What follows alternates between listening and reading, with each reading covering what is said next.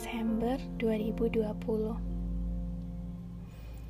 Gak kerasa kita sudah sampai di penutup tahun. Gak kerasa juga sudah melewati 11 bulan yang bisa dibilang hmm, warna-warni.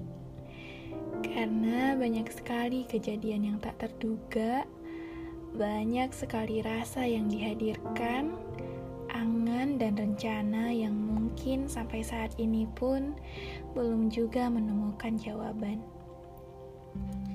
Ada banyak keinginan dan resolusi yang sempat dibuat untuk tahun ini yang menemukan jalannya, atau bahkan masih banyak yang belum sampai. Mengingat kembali kilas balik dari bulan pertama tahun ini, saya ingat sempat menulis beberapa keinginan yang ingin saya wujudkan tahun ini, serta beberapa harapan untuk diri sendiri. Saya menulis satu persatu keinginan dan harapan tersebut di secari kertas, menggulungnya, dan saya taruh di dalam sebuah botol kaca. Saya juga sempat menulis beberapa kejadian yang berkesan bagi saya dan memasukkannya juga ke botol kaca tadi. Dengan harapan bahwa di penghujung tahun nanti saya bisa mengingat kembali peristiwa apa saja yang sudah saya lalui tahun ini. Keinginan apa saja yang sudah sempat saya raih serta harapan apa saja yang mungkin belum bisa terwujud, yang bisa saya usahakan lagi di tahun depan. Bagi saya, tahun ini banyak sekali menyisakan cerita dan pelajaran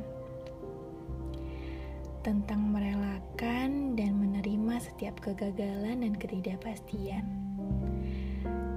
tentang pikiran akan masa depan yang masih terlihat samar, tentang merawat dan mensyukuri apa yang dimiliki saat ini, dan belajar untuk ikhlas menerima apa pun skenario hidup dan perjalanan ke depan yang sudah digariskan.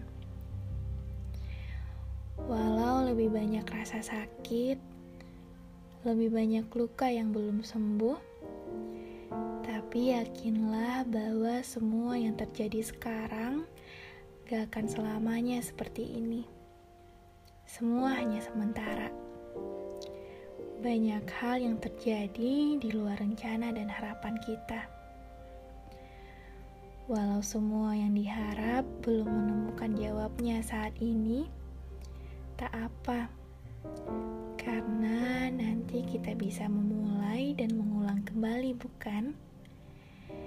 Jadi, jangan lupa untuk lebih menghargai dan mengapresiasi diri sendiri karena sudah melewati hari-hari sulit, dan berterima kasih kepada orang-orang yang sudah menemani, yang sudah bertahan sampai ke penutup tahun ini. Semoga sisa beberapa hari ini bisa sedikit menyisakan kabar baik, dan setidaknya tahun ini dapat berakhir dengan penutupan yang baik.